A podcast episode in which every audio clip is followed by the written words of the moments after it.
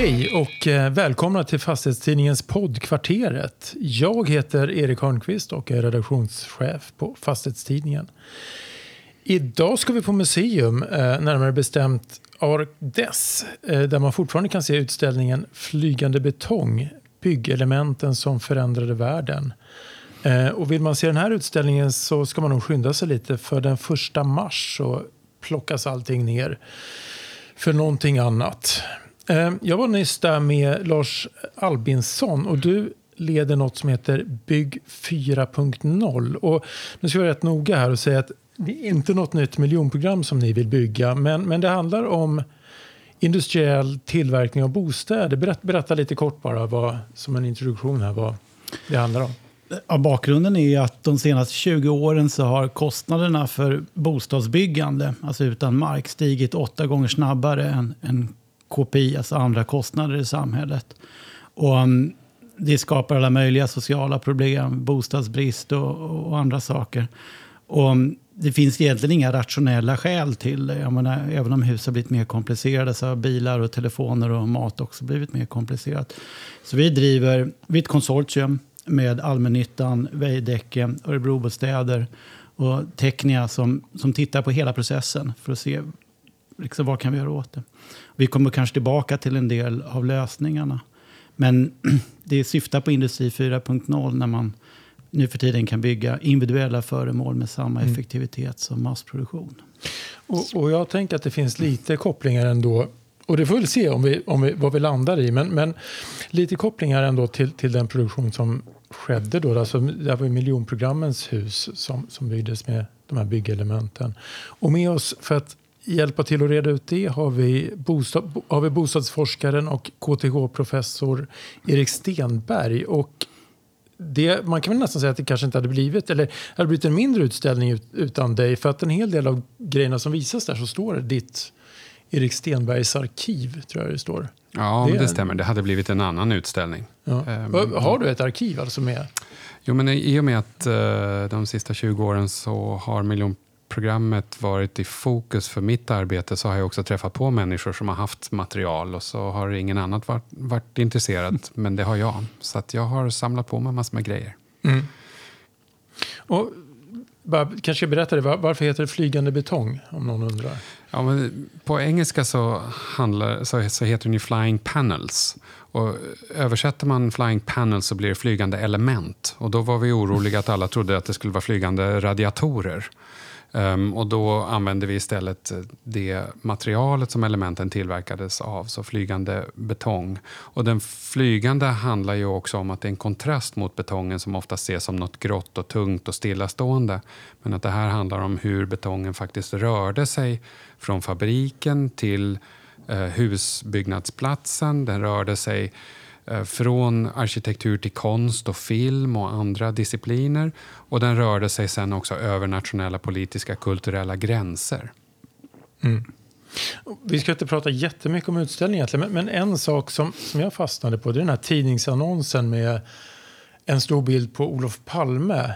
Eh, och min första koppling när jag såg den det var att alltså nu när vi pratar om miljonprogram och den här typen av byggande så pratar vi jättemycket om det politiska projektet. Men, men den här annonsen, det är ju det är ju näringslivet som vill tala om för eh, Olof Palme hur, att, att man ska bygga mer och eh, hur man ska bygga. Det, det, väldigt charmig. Den, den är större, så här broadsheet-format. Eh, för, för unga lyssnare så var det när man gjorde papperstidningar som var stora som utflyktsfiltar. Eh, men, men i alla fall, och, eh, där uppmanar man folk att komma till Danderyd och man ska göra någon, någon slags eh, insamling av hur folk vill att det ska byggas. Det är typ intressant att det här eh, är det det som är en del det man vill visa med den här utställningen? Alltså hur det här näringslivet har drivit på?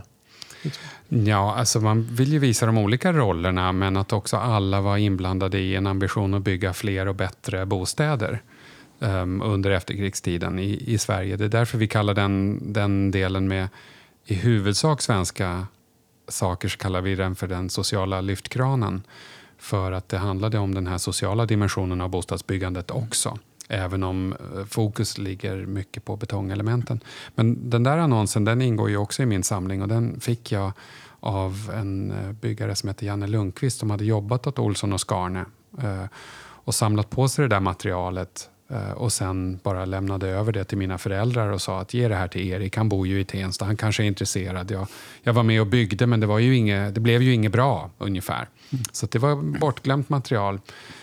Och, och det var ju byggaren Allan Skarne Eh, Eh, som då var chef för Olsson och Skarne som satte in den annonsen där de hade byggt ett provhus och så hade de haft en bostadsforskare som hette Lena Larsson som liksom gjorde olika eh, uppmöbleringar och olika alternativ och då var tanken just att om vi ser hur människor vill bo så kan vi också ändra regelverket snabbt och inte minst då påverka finansieringsformer och liknande. För Allan Skarne vill ju säga att det han gjorde var bäst. Det var flexibelt och därmed så borde man få bättre statliga villkor för att bygga på det sättet. Och, och då var ju det inte så långt avstånd mellan näringsliv och politik. För han gick ju upp till Sträng och, och drämde näven i, i bordet och sa att nu behöver vi lösa det här. Mm. Och så många gånger så löste det sig. Det, det, låter ju delvis lite som nu när man pratar flexibilitet och, och så. Tycker, finns det någonting Alltså är det här en, en, utställning bara om historia eller finns det någonting att lära här och nu? Det finns mycket att lära här och nu. Um, och, och, det är ju därför denna utställningen sker just nu. För att den är aktuell. Inte minst för att man måste bygga om miljonprogrammet uh, och inte minst för att miljonprograms bostadsområden har dåligt rykte. Men också för att man kan dra många erfarenheter som vi inte gör idag. Jag, jag presenterade de ambitioner man hade på den tiden när man först mekaniserade bygget och kunde gå från åtta timmar per kubikmeter bostadshus, alltså åtta mantimmar för att producera en kubik kubikmeter bostadshus, till fyra timmar när man införde kranar och betongblandare och liksom rationellare metoder. Och sen ner till två timmar när man gick till elementbyggandet. Då ställde sig en person i publiken upp och, och skrek vi är på 1,7 och det var ju representanterna för Lindbäcks mm. som är också extremt industrialiserad produktion av bostadsvolymelement. Och, och, mer rationaliserat tror jag inte man kan komma. Eh, men sen måste man ju också börja prata om produkten. Eh, och då var det ju faktiskt en, en, ambition av att bygga större och bättre bostäder. Där vi idag bara pratar om att bygga mindre och billigare. Eh, och det tror inte jag är hållbart. Mm. Lars, känner du igen dig någonting i det här? Absolut. Um, alltså produktiviteten var ganska, framförallt under slutet av miljonprogrammet, eh, så var den ganska hög. Och den har sjunkit sen. Och det finns flera orsaker till det. De viktigaste är kanske fragmenteringen av organisationerna. På den tiden jobbade alla på samma byggbolag. Så att de hade liksom samma ekonomiska intresse drivkrafter och chefer. Idag är det liksom det är inget konstigt om det är 20 bolag in, inne för att bygga ett, även ett enkelt bostadshus. Och det skapar liksom ekonomiska särintressen och andra grejer. Det andra är att, att vi har liksom lagt på energieffektivisering och komfort som gör att ett bostadshus idag är oändligt mycket mer komplext än vad de där var. Och idag så är kanske 70 procent av kostnaderna installation, el, VVS, el, ventilation och såna här saker. Och i samma takt som vi har kanske lärt oss att bygga liksom själva fasader och sånt där så där är kanske produktiviteten helt okej, okay, men installationerna är idag en katastrof i tid, resurser, transporter, materialförluster och, och den katastrofen liksom blir bara värre och värre. Så att um, Sen tycker jag för min del när det gäller miljonprogrammet så lite sortera i för att det, det är någon sorts symbolord. Men liksom, jag vet inte, jag tror att nästan 25 procent av alla bostäder i Sverige är liksom byggda under den här perioden. Men, men det är ju inte alla som har det här dåliga ryktet eller symbolen. Det är vissa förorter. Det andra är liksom är om det handlar om byggnadseffektivitet. Om det, det är en sak. Det handlar om betong. Mycket av kritiken kanske egentligen handlar om stadsplanering, bilfokus, glesa områden.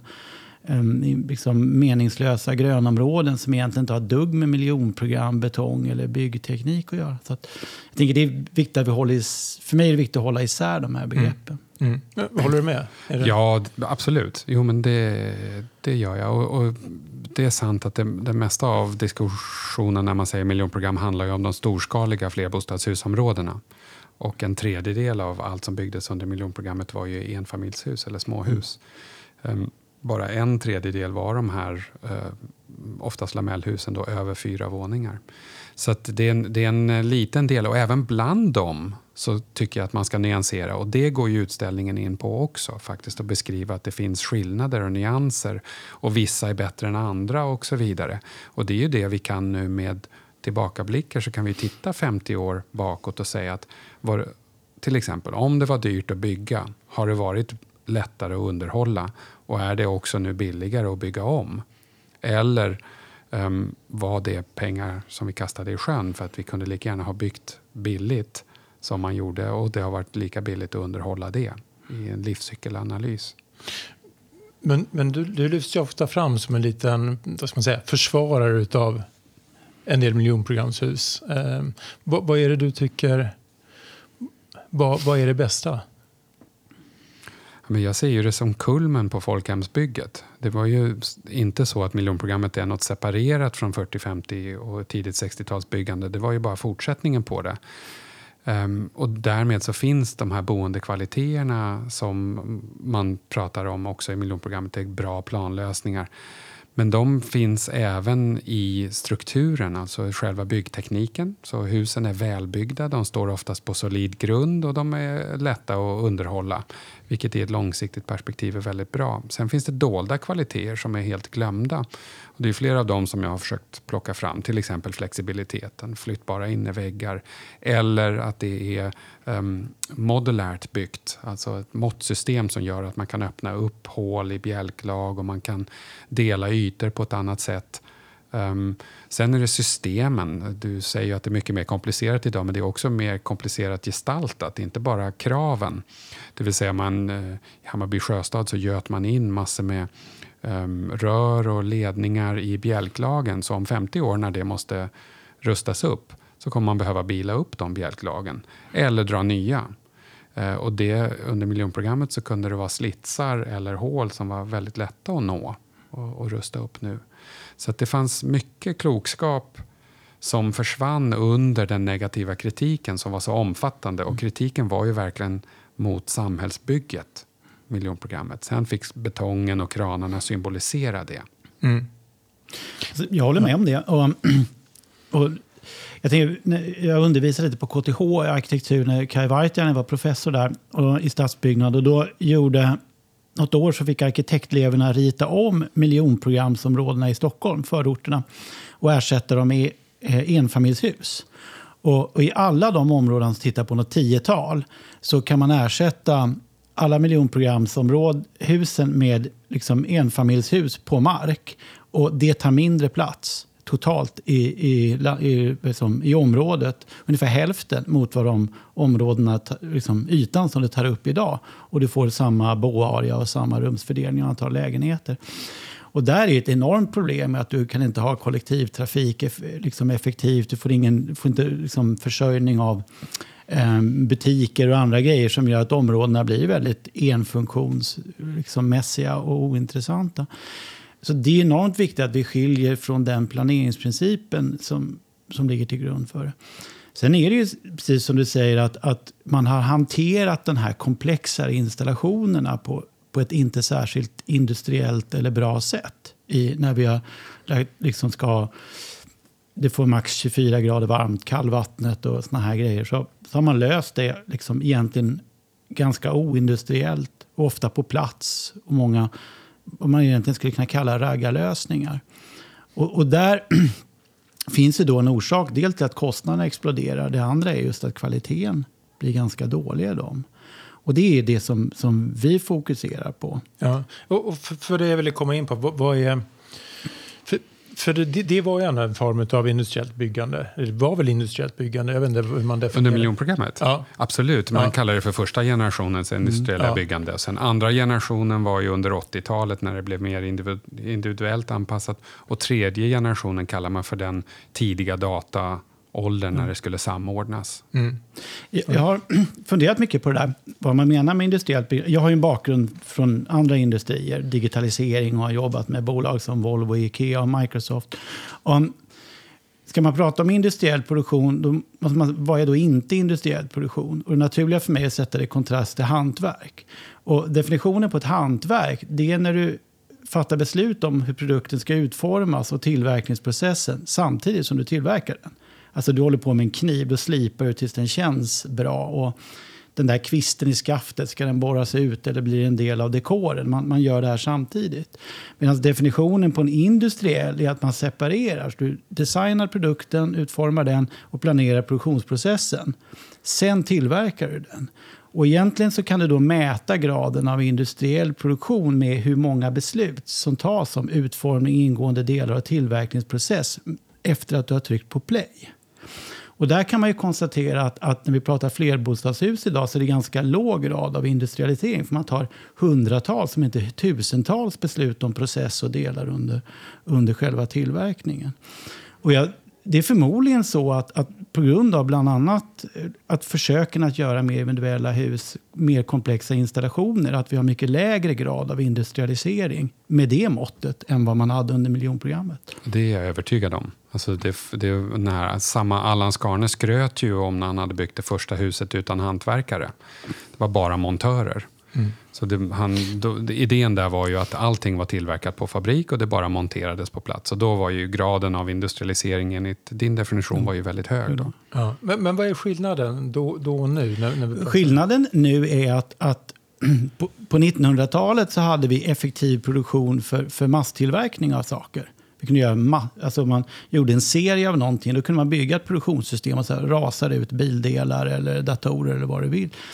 Vad, vad som är en del av, och så för mig den intressantaste delen av den så kallade fjärde industrirevolutionen, det är att vi kan lika billigt och snabbt tillverka enstaka unika föremål som vi på 1900-talet kunde massproducera föremål. Vi jobbar mycket med skeppsindustri. Alltså vi har konstaterat att byggbranschen ligger efter digitalisering. Dels för att den är konservativ, men också för att man inte haft teknologi för att nå ut på byggplatser, så man ligger sent i den cykeln. Så har vi benchmarkat då med andra industrier. Och det mest intressanta är för parallellen till skeppstillverkning. För man, stora fartyg görs aldrig i serier. Skeppsvarv är egentligen ganska enkla fabriker. Det är ett hål i backen med en slussport och en kran. Och när vi tittar på kostnaden och tiden för att bygga ett kryssningsfartyg med 10 000 människor ombord, som är alltså en stadsdel och ett Gröna Lund och, och de här, så bygger man det på tre år till en bråkdel av kostnaden vad det skulle kosta att köpa samma funktioner på land. Och det är för att där utnyttjar man möjligheten att rita saker digitalt supereffektivt tillsammans och sen ha en industriell produktion av enstaka föremål. De har rörs svetsrobotar som svetsar grejer i ett stycke lika fort som man på 1900-talet svetsade liksom i industritillverkning. Och där finns en enorm möjlighet att, att skapa en industriell effektivitet och fortfarande ha en komplex produkt som, som är unikt utformad. Jag tror, no, ja. Ja, men jag tror väldigt många, när man hör industrialiserat byggande så tänker man bara att det ska vara prefabricerat. Men i, i byggsektorn så prefabricerade element har ju funnits sedan tegelstenen uppfanns i princip.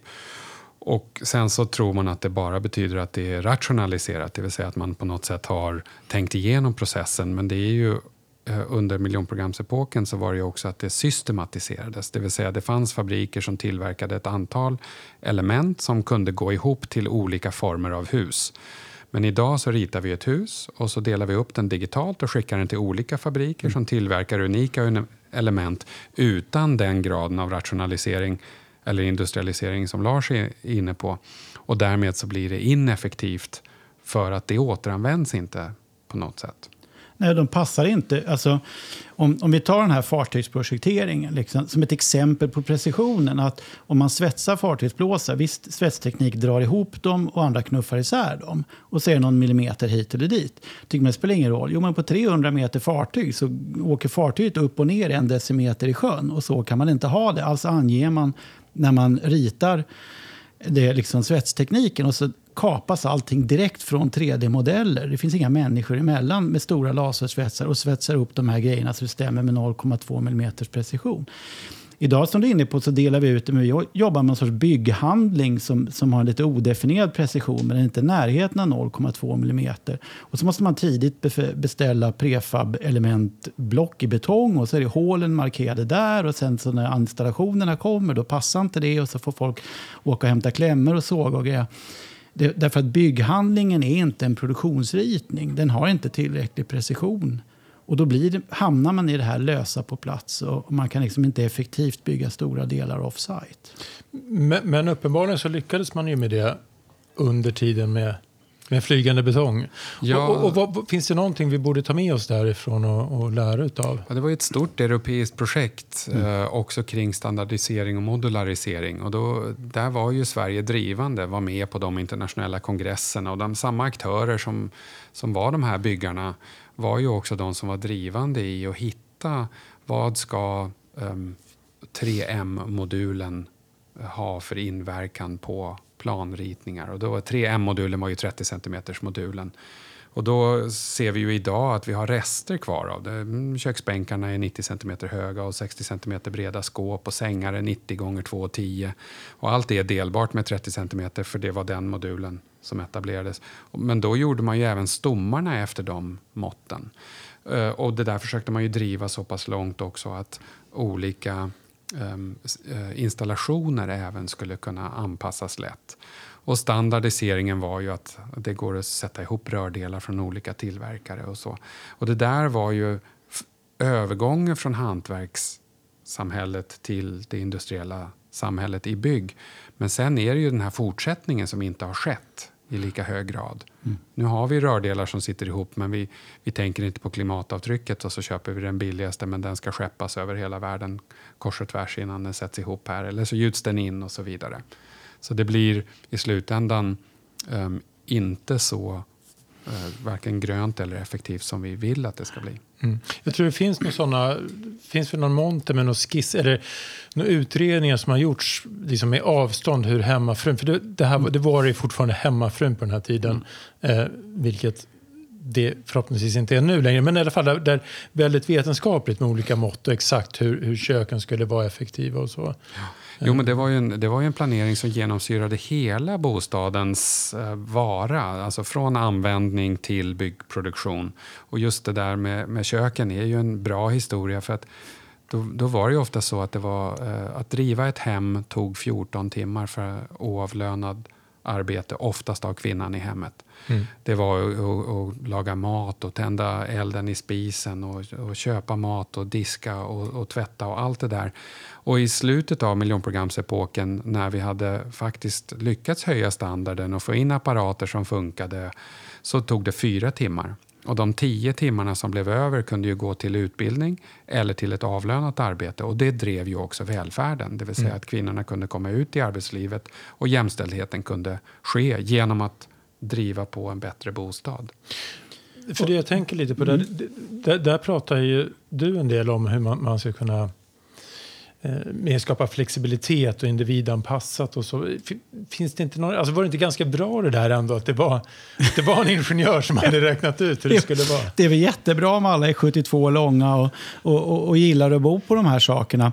Um, Alltså det är en teknisk rationalitet eh, som också skapar någon form av, av samhälle där man skulle arbeta på ett ställe, shoppa på ett ställe och så skulle åka bil emellan. Och exkluderar personer. Också. Exkluderar ja. personer in i bänken och skapar alla miljöproblem vi har. Och, och det, är bara att titta på, om man kollar på mäklarstatistik så finns det egentligen inga bostadsområden som är byggda efter 1960 som är lika efterfrågade som de som är byggda innan 1960. Så att, så att man kan tycka att det är praktiskt om alla är likadana ur något perspektiv. Men, men det har ju liksom, det är ju, vi accepterar ju inte det. Och det är ju inte mänskligt och det är ju inte inkluderande eller vad du vill. Det är ju, så att säga.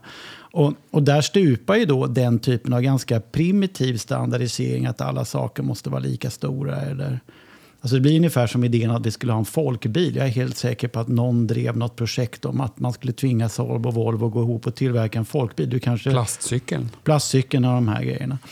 Um, och, och, men då hamnar du i ett läge där det är produktionssystemet som dikterar livsvillkoren.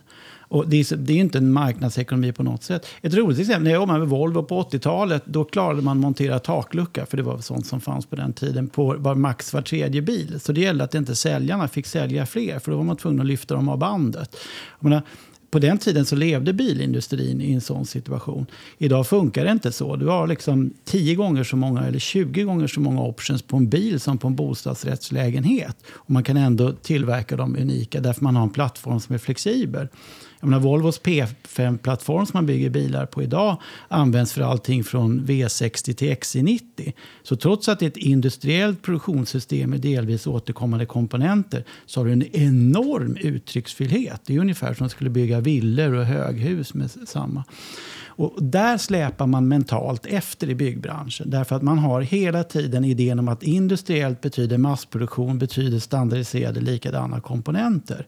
Och den, det mindsetet hittar, hindrar. Det är därför som nystartade företag som Fullstack Modular i New York, kanske Sizes, kanske Lindbäcks trävaror i, i Sverige som, som jobb, de har ett annat tänk kring det här. Att standardisering betyder inte att standardisera att alla element är likadana och det blir ett lego. Folk säger att lego är så bra, men hur kul blir husen?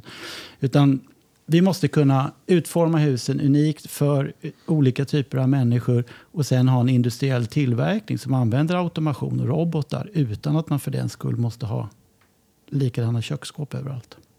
Men, men om, om, vi pratar om det här projektet nu. nu behöver vi, vi, behöver, vi ska inte skapa ett nytt miljonprogram, men vi behöver bygga en eh, himla massa bostäder nu igen. Eh, och jag vet inte om jag förenklar för mycket, men då, då var det ett politiskt beslut. Nu ska vi bygga och eh, byggarna svarade upp mot det om man, om man tar liksom snabbversionen. Man lyckades i alla fall. Är det hyfsat rättvist beskrivet? Ja, det är ju en extremt snabb version. För det finns ju massor med nyanser i det där. Och den som jag tycker du missar i din berättelse är ju lite att, att det som man kallade forskningen då. Det, och det var ju egentligen det som har med det sociala livet i boende. Det, det var ju också någonting där man höjde nivån och det var väldigt kort avstånd till industrin. Så det var ju den här som man nu idag kallar för trippelhelix. Eh, det var ju inte kvadruppelhelix. Trippelhelix är ju näringsliv, industri och akademin. Näringsliv, politik och akademi.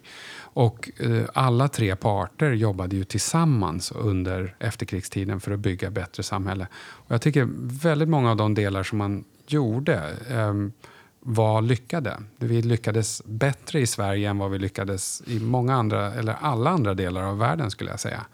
Um, och det är ju det som också har gett oss möjlighet att vara ett um, högproduktivt och kvalitativt uh, i levnadsmått mätt land under så lång tid. Det vill säga den investering som gjordes då har vi fått tillbaks på många gånger. Um, så jag, jag, det kan jag, jag kan hålla med dig om det att det finns ett strukturellt problem i byggbranschen. Och det är att den är väldigt projektdriven. Man mäter lönsamhet per byggt projekt och, och så vidare. Um, och det finns inte någon större vilja att investera över flera projekt. Um, bolag, alltså du tar Scania, om du tar Apple eller vad du vill, så till, de flesta spenderar 5-7 procent i alla fall av sin omsättning på produktutveckling. Medan i byggbranschen är den siffran kring 1-1,5 procent. Och ofta är det en decentraliserad budget som man gör lite här och där. Det finns ingen styrning av det där. Utan, och när, då drivs den av projekt och då är intresset för förnyelse är ganska lågt. Och om du ska räkna hem innovationer på ett projekt så blir de ganska småskaliga.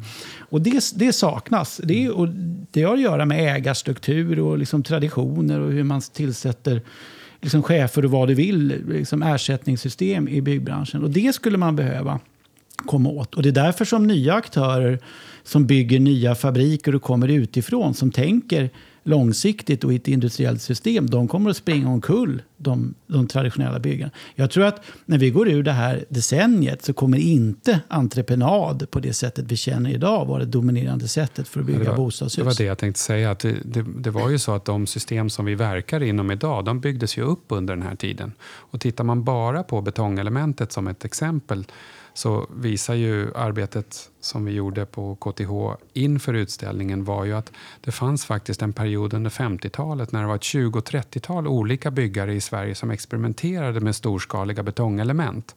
Men sen så precis som i andra innovationskurvor så dök det. Det vill säga det var väldigt få under slutet av 50-talet som, som höll på med det. Och då är ju frågan varför. det var ju för att regelverk, finansiering och andra incitament inte hade kommit i fatt. Men sen i mitten på 60-talet så gjorde man då eh, satsningar på miljonprogrammet och då sa man storskaliga bostadsområden med industriell prefabricerad betong skulle premieras. Tusen bostäder eller fler med eh, väldigt lika planformer. Och då plötsligt så fick den här nya teknologin, tekniken, fick en uppsving. Eh, och det är det som också födde idén om totalentreprenad och den strukturen vi har idag. Och jag ser det precis som du antyder att nu kommer vi ju behöva bygga om det där systemet. Mm. Nu måste vi tänka på andra sätt för vi har nya teknologier, inte minst digitalisering och vi har nya utmaningar i globaliseringen och klimatfrågan som vi måste bygga om för att kunna möta de behov. Och, och där tror jag att ett, ett, exempel, ett av de bolag som vi jobbar med, Sizes Works i Oskarshamn, som jag dessutom själv har blivit engagerad i för att hjälpa att starta upp. Och där bygger man bostadshus då i massivträmoduler i, i en ny fabrik. Och den öppnade för mindre än ett år sedan. Liksom, hela den här fabriken. Och man har byggt fyra färdiga hus och man har en orderstock på en och en halv miljard kronor och, och ett ramavtal eh, med Rikshem på 6 000 lägenheter. Och det är ett mycket mer det är ett flexibelt system i att man de frågorna du löser att man med infrastruktur, man använder installationsgolv. Så alla installationer ligger i golv, nåbara, utbytbara eh, för att hantera akustikfrågor. Man kan göra trämodulerna i alla längder från 12, 12 gånger 4 meter. Så att man kan liksom skapa ett hus där alla rum är individuella. Ehm, ändå lika effektivt som man tidigare massproducerade de här ornamenten. Och jag tänker att där har du framtiden, att du har ett effektivt byggsystem som naturligtvis kanske har några gränser, men de är inte i närheten av de gränser som vi hade på 60-talet. Samtidigt som du kan bygga allt i en fabrik som då är effektivt, det minskar transporter till byggplatsen, det minskar tiden på byggplatsen. menar, här installerar man, man liksom lyfter på en modul på 15 minuter på, på ett hus. De använder skepps... Eh, programvaror för att projektera bostäder. Så man går från sex månader till fyra veckors projektering av, av ett bostadshus och så vidare. och så vidare. Men, men det kräver den typen av, av industrikunnande. För då har det ju varit folk från Volvo, ABB och sådana som hjälpt till att utforma de här fabrikerna. Så förutom eh, den digitala komponenten då, så, så sitter jag och drar på smilbanden lite. För det, när jag tittar tillbaka på 50 och 60-talet så är det precis den här typen av diskussion som sker. Um, just hur man ska bygga flexibla bostäder och hur man ska göra det effektivare och hur industrialiseringen ska bidra till det. Och då, är, då undrar ju jag eh, ibland om vi är i början av den där kurvan eller i slutet av kurvan. Jag är ganska övertygad om att vi är i början. Eh, vilket betyder troligtvis att träbyggandet idag, vilket motsvarar då betongelementens inträde på 50-talet, träbyggandet just nu är i en utvecklingsfas. Alltså innovations och utvecklingsfas där massor med aktörer kastar sig in i det här för att det finns ett behov av att bygga bostäder och vi vet att bygga i trä är klimatsmart, inte minst. Det ger också sunda inomhusmiljöer och med mera.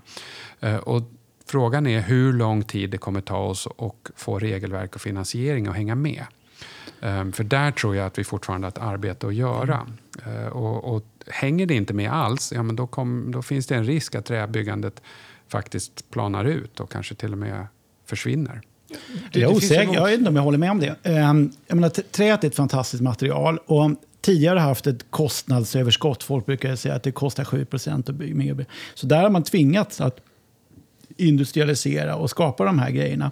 Nu finns det stor efterfrågan av klimatskäl. Samtidigt som Cementa och de här jobbar ju stenhårt på att göra ta ner liksom, senast häromdagen så börjar med så här CSS-teknik och grejer. Va? Så att man kommer säkert komma åt dem. Och, och, och, betong är ett fantastiskt material på många egenskaper. Om det, det är svårt att bygga trähus utan en betonggrund än så länge. Till exempel, ja visst. Sen är, men vet du, sen är det lite, jag noterar när jag pratar om de här grejerna över hela världen. Så att, att vi kan bygga liksom, effektivt unika bostäder och, och så vidare. Mycket smartare och snabbare. Då möter jag alltid eh, tre motargument från eh, det första som folk säger är att det inte är möjligt. Det går inte att använda de här teknikerna på husbyggande. Det andra är svaret är att vi gör redan det här. Och det tredje är att problemen med bostadsbyggande är någon annans fel. Um, det finns jättemycket att göra på regelverk. Eh, framförallt borde det vara internationell standard. Vi kan inte ens ta ett bostadshus från Norge till Sverige utan att bygga om hela huset. Och ibland kan man inte ens flytta mellan kommuner. Det är klart att många av de reglerna skapar inget värde. Men, men kostnadskrisen i bostadsbyggandet är inte orsakat primärt av eh, strängare regler. Det är faktiskt orsakat av, av att man får en komplexare produkt, högre arbetskraftskostnader och man har inte mött dem med den rationalisering och utveckling som har skett i andra industrier. menar, en bil drar en fjärdedel av soppan per mil vad den gjorde på när vi byggde miljonprogramshuset samtidigt som den har högre hastighet och säkerheten är fantastisk. Så du har haft en mycket, mycket strängare utveckling av regler och förväntningar där, men man har mött det med innovation. Här har byggbranschen egentligen bara valt att knuffa kostnaderna vidare till de boende. Men du menar att man, man kan inte bara sitta och vänta på några nya utredningar som ska ska lösa det här då, för att komma igång? Nej, absolut inte. Och som sagt, jag menar, vi har proof of concepts nu. Att vi vet att det, det är inte svårt på det sättet faktiskt att halvera kostnaden för bostadsproduktion. Jag, jag menade inte att någon kommer att sitta, men, men jag menar att Eh, samhällsbyggandet är komplext och att det är många aktörer som mm. måste samverka, vilket är ett utslitet ord, men man måste mm. ändå samverka och dra åt samma håll för att vi ska kunna bygga stora volymer av bostadshus i, i trä. Små volymer är 6 000, tycker jag. Eh, stora volymer är 60 000, 80 000. Och hålla det årligt i tio år, då är vi uppe i stora volymer. Och då bygger vi ett nytt samhälle. Bygger vi 20 000 bostäder om året så spelar det ingen roll. Då, vad är problemet med trä menar du? Jag förstår inte riktigt. Nej, vi har, det... Ja, det är inget problem med trä, men jag tror inte att vi kommer att uh, ha kapaciteten eller incitamenten om vi inte jobbar snabbare. Att upprätthålla den innovationstakt som pågår mm. just nu. Det är många som kastar sig in i det, många som är intresserade, det sker utvecklingar. Men det mångfaldigas inte i den takt som vi skulle behöva. Eh, och det är ju för att regelverken släpar efter och för att Vilka regler tänker du på? Ja, men till exempel i en detaljplan när man sätter en hushöjd i meter istället för i våningsantal. För att när man då projekterar huset i trä så blir det högre bjälklagshöjd och därmed så får man inte in den våningen extra som man vill. Eh, alltså om man bygger i betong så blir bjälklagshöjden höjden lägre och då får man in fler våningsantal. Det är ett sånt exempel. Sen har man hur man mäter ljud och hur man um, hanterar um, andra tekniska frågor. Det regelverket är oftast byggt kring att husen ska vara i betong. Mm. Och där måste vi ju ha ett annat typ av regelverk för att kunna bygga och premiera flera material i byggandet. Jag håller med dig. Alltså, på två punkter. Vi har för låg kapacitet idag och det sker ju en massiv investering idag. När Södra Skogsägarna öppnade i höstas en ny fabrik för att producera träelement och så vidare. Vi har liksom en underkapacitet, vilket är konstigt i Sverige. Att vi måste importera träelement från Österrike, vilket känns helt... Men, men det pågår ju mycket arbete. Sen så, när det gäller reglerna så håller jag med dig om det. Och jag upplever att det är nästan en större fråga att vi har så mycket regler som är krav på tekniska lösningar. Alltså att istället för att säga att man ska ha en viss funktion, man ska åstadkomma ett ljud eller någonting, så, så har man liksom, det ska vara löst på det här sättet. Man, dörrarna ska vara gjorda på det här sättet, de ska sitta på de här avstånden. Och, och det driver kostnader och, och förhindrar teknisk innovation. Att man, man hade aldrig uppfunnit um, Eh, airbagen till bilar om, om man hade haft ett absolut krav på att det ska vara liksom bara säkerhetsbälten och så vidare. De skulle bara blivit bredare och större. Ja, just det. på mm. det. Så att jag tror att det är en övergång. Och, och det är möjligt att den påverkar trä. Jag känner igen diskussionen om, om bjälklagshöjder och, och så vidare. Eh, så jag tror att det är, men, men egentligen så skulle jag ändå vilja säga att för att effektivisera bostadsbyggandet, bygga roligare hus till lägre kostnader så är inte det här de största hindren. Det är inte planprocess. Att du förstår, det är det jag skojar lite och Nej, säger att det, är liksom, det är någon annans fel. Men, men, men det, vi håller, behöver... det håller jag också med om. Att, att, eh, och den, den förändring uh, måste ju ske också inom branschen. Det är ju det du beskriver. Mm. Och inom industrin som håller på med byggandet av flerbostadshusen. Sen är det klart att vi borde kunna, detaljplaner borde väl egentligen vara en 3D-modell och lite materialkrav och passar det ett hus i 3D-modellen så, och materialen på fasad och så vidare så, så är det liksom bygglov. Det finns ju otroligt mycket att, att göra när det gäller. Mm. Vi, vi, ska börja runda av lite här, mm. men, men, ska vi säga någonting om vad, vad är det? Vi, vi är väl ganska ensamma om att det är, det är en liten bit kvar eh, innan, innan vi är igång i full kapacitet här med, med byggande, industriellt byggande. Men, men eh, vad är det mest spännande som görs just nu? Alltså konkreta projekt. Mm. Du vet väl bäst här Lars? Kanske? Ja, det, det, jag ser nu, det är ju de som leder utvecklingen nu är sådana företag som, om vi pratar bostäder, som bygger i moduler på olika sätt. Och fördelen är att de är mycket, mycket mer flexibla modulsystem. Så att jag, när du går in i ett närhus så, så behöver du vara ingenjör för att fatta att de är moduler. Men, men jag tror att nästa steg är att, att liksom all produktion, vi kan bygga unika byggnader utan modulsystem där vi tillverkar allting off-site. Även komplexa system och grejer att montera på plats. Vi har för avsikt att göra ett sånt experiment. Örebro Bostäder vill testa och, och bygga ett traditionellt bostadshus fast liksom helt och hållet off-site. Um, det, och det kommer att vara viktigt. Sen kommer vi då se att då förskjuts ju arbetet mot att vara i fabrik och industri och montering på platser. Så där måste ju till exempel fackföreningar vara beredda att, att det blir en förskjutning av vad folk är. Eh, det vi ser ett begynnande hinder, jag menar Full Stack Modular i New York som vi jobbar med, har spenderat enormt med tid att förhandla med deras fackförbund. Samtidigt så är det ju en möjlighet att industrin växer och blir liksom eh, intressant. Så där måste man vara med Eh, för att driva på utvecklingen. Och jag tror att försöka bromsa den kommer bara leda till som den svenska varvsindustrin dog när man försökte hindra den från konkurrens och så vidare. Det tredje är väl egentligen att, att de offentliga köparna skulle börja ställa de här kraven. Många privata fastighetsutvecklare har tänkt i projekt och kostnaderna förskjuts till köparen och alla bostadspriser stiger, så vad är problemet? Men men nu skulle man vilja se att, att alla offentliga medel på byggnation, att man ställer krav på, på ett industriellt byggande som då är 4.0, det vill säga individuellt unikt, inte massproduktion till skillnad från kanske industri 2.0 som miljonprogrammet var. Ja, Erik, vad tror du? Kommer, om, om, vad blir det? Om, om 50 år, kommer vi ha någon liknande utställning då om det industriella byggandet på 2020? Eller? Nej, det det tror jag inte, men kanske om det industriella byggandet 2040. För att eh, 2030 kommer vi att vara imorgon och då kommer vi knappt ha ställt om.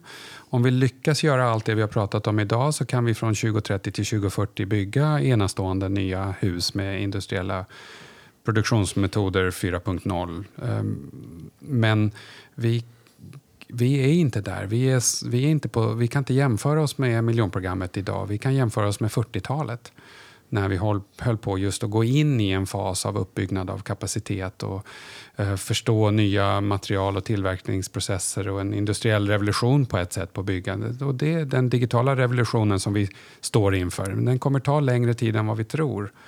Eh, är det historiska tillbakablicken som kan lära oss. Mm.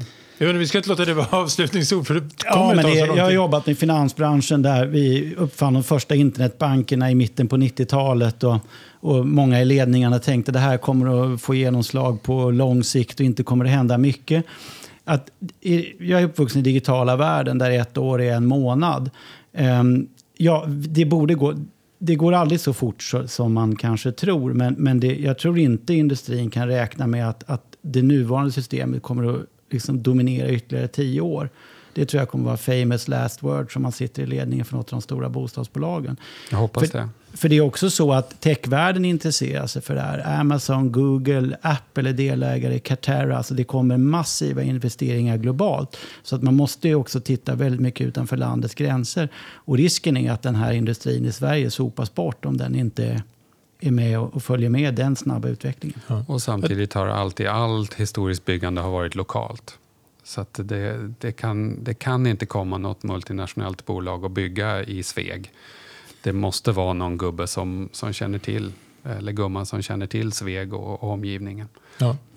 Den som lever får se. Vi får se hur snabbt det här kommer igång. Men något jag nästan kan garantera att den utställningen kommer vi knappast se i alla fall. Det får vara mina famous last words här. Så jag tackar så mycket och eh, hoppas väl att det kommer igång ganska snart här. För det blir spännande i alla fall. Tack! Tack, Tack. så mycket. Det gör jag också.